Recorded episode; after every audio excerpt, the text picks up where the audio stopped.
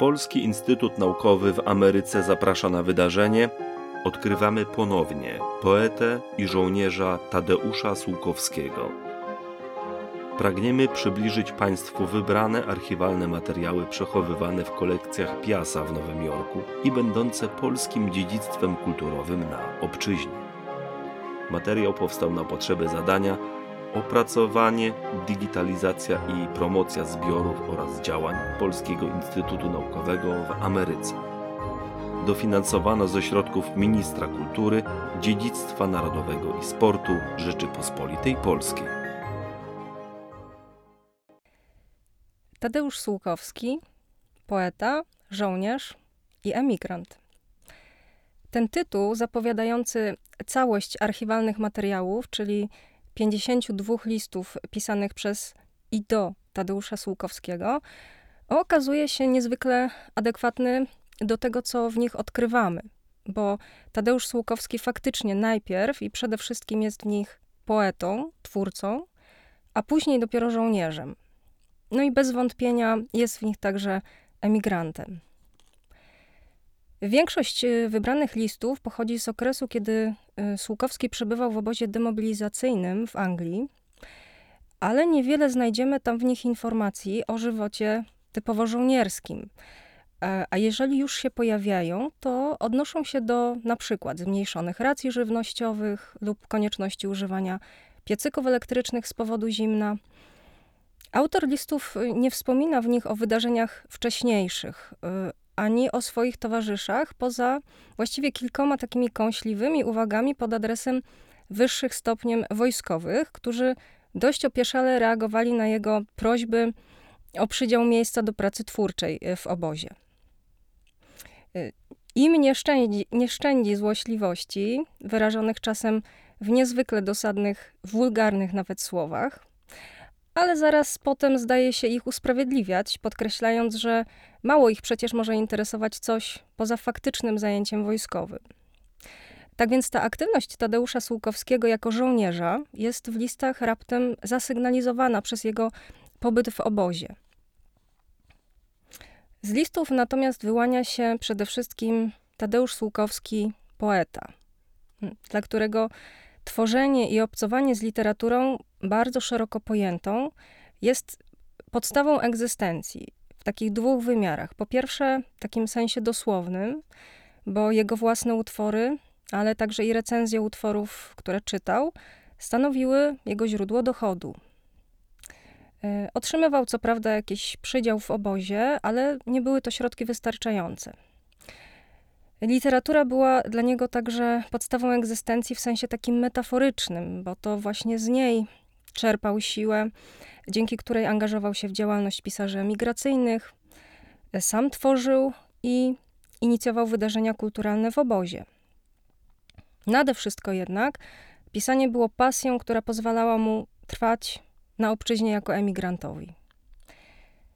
Jak istotne było dla niego właśnie tworzenie, pokazuje między innymi ta determinacja e, w poszukiwaniu tego miejsca do pracy twórczej.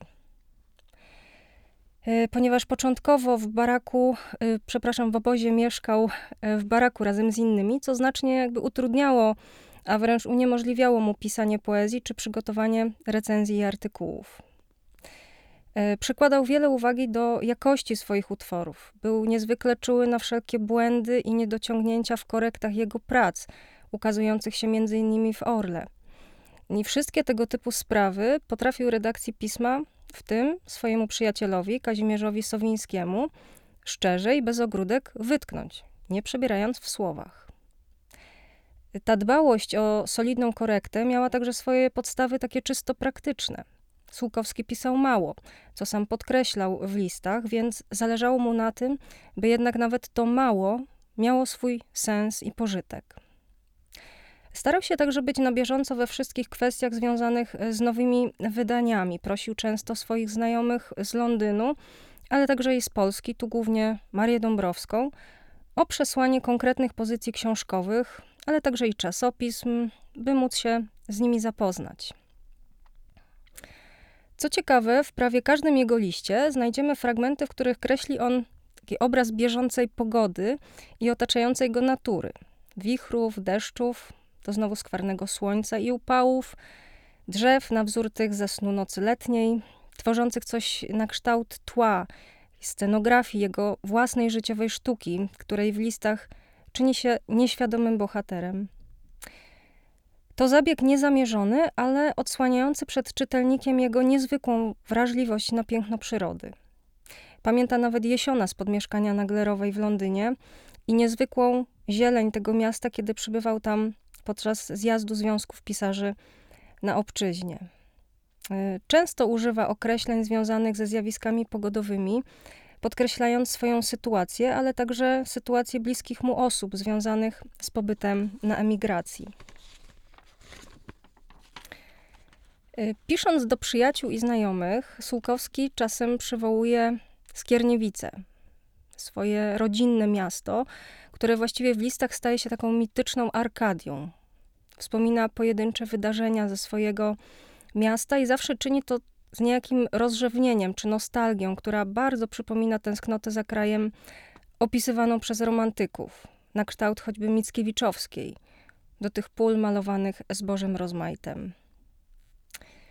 Materiały archiwalne y, pokazują nam postać Tadeusza Sułkowskiego także jako człowieka niezwykle troskliwego, człowieka o wielkim sercu. Choć sam miał niewiele, często musiał dopominać się o wynagrodzenie za swoje utwory, zwłaszcza kiedy pisywał do Orła. Czasami zmuszony był nawet zapożyczyć się u przyjaciół. To jednak nie przeszkadzało mu to dzielić się z innymi tym, co miał. I tak obdarowywał przede wszystkim Marię Dąbrowską, przesyłając jej pieniądze, czy to paczki z papierosami lub lekami. Godne uwagi jest to, że właściwie każdy adresat jego listów, oprócz takich informacji bieżących, informacji o pogodzie i jego przemyśleń na temat aktualnej sytuacji emigracji, otrzymywał słowa otuchy. Tym też się dzielił. A Herminia Naglerowa ponawianą wciąż prośbę o niemartwienie się. Jego listy, mimo opisywanych w nich często takich trudów życia codziennego, przeniknięte są optymizmem, dzięki któremu potrafił dodać innym otuchy. Potwierdza to Naglerowa, pisząc y, do niego o jego własnych listach w następujących słowach. Mają zawsze coś z wierszy i coś z ludzkiej dobroci.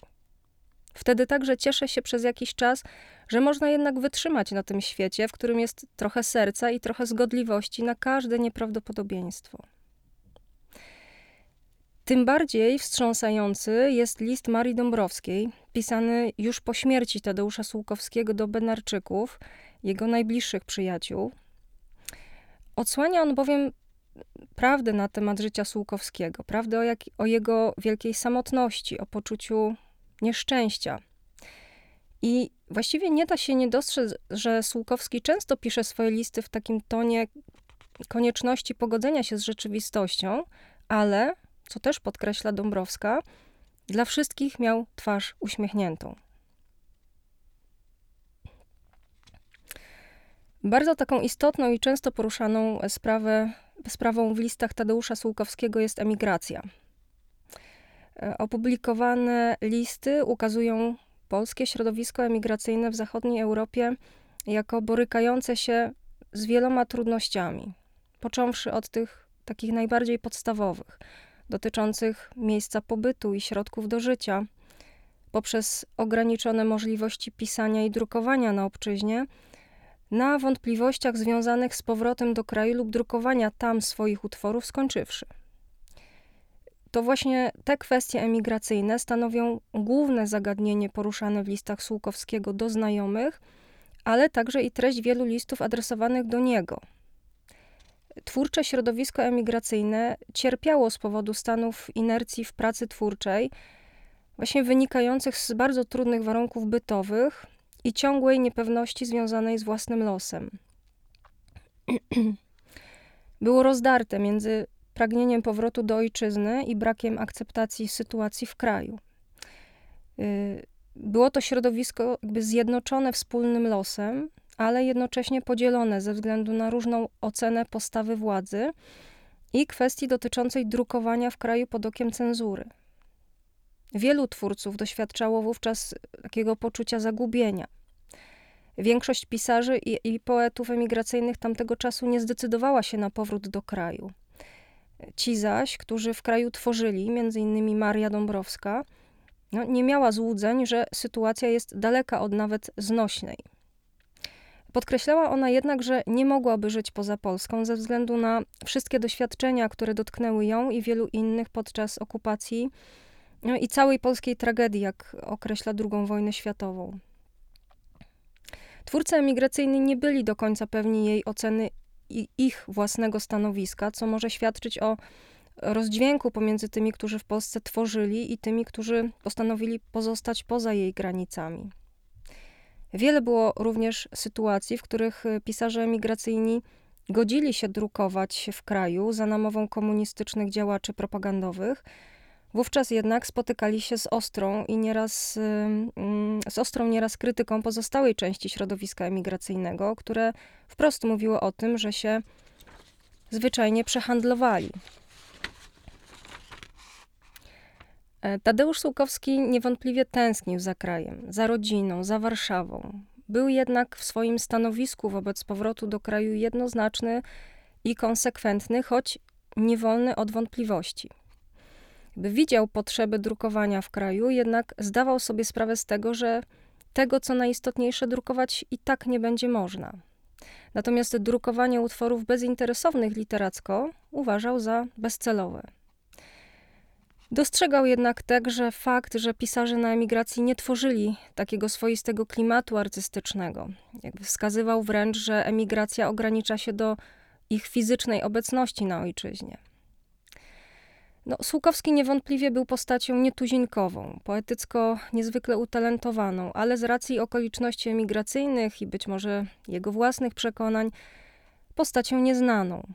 Był, był człowiekiem tęskniącym za spotkaniem z innymi i jednocześnie mającym świadomość trudności w tym obcowaniu.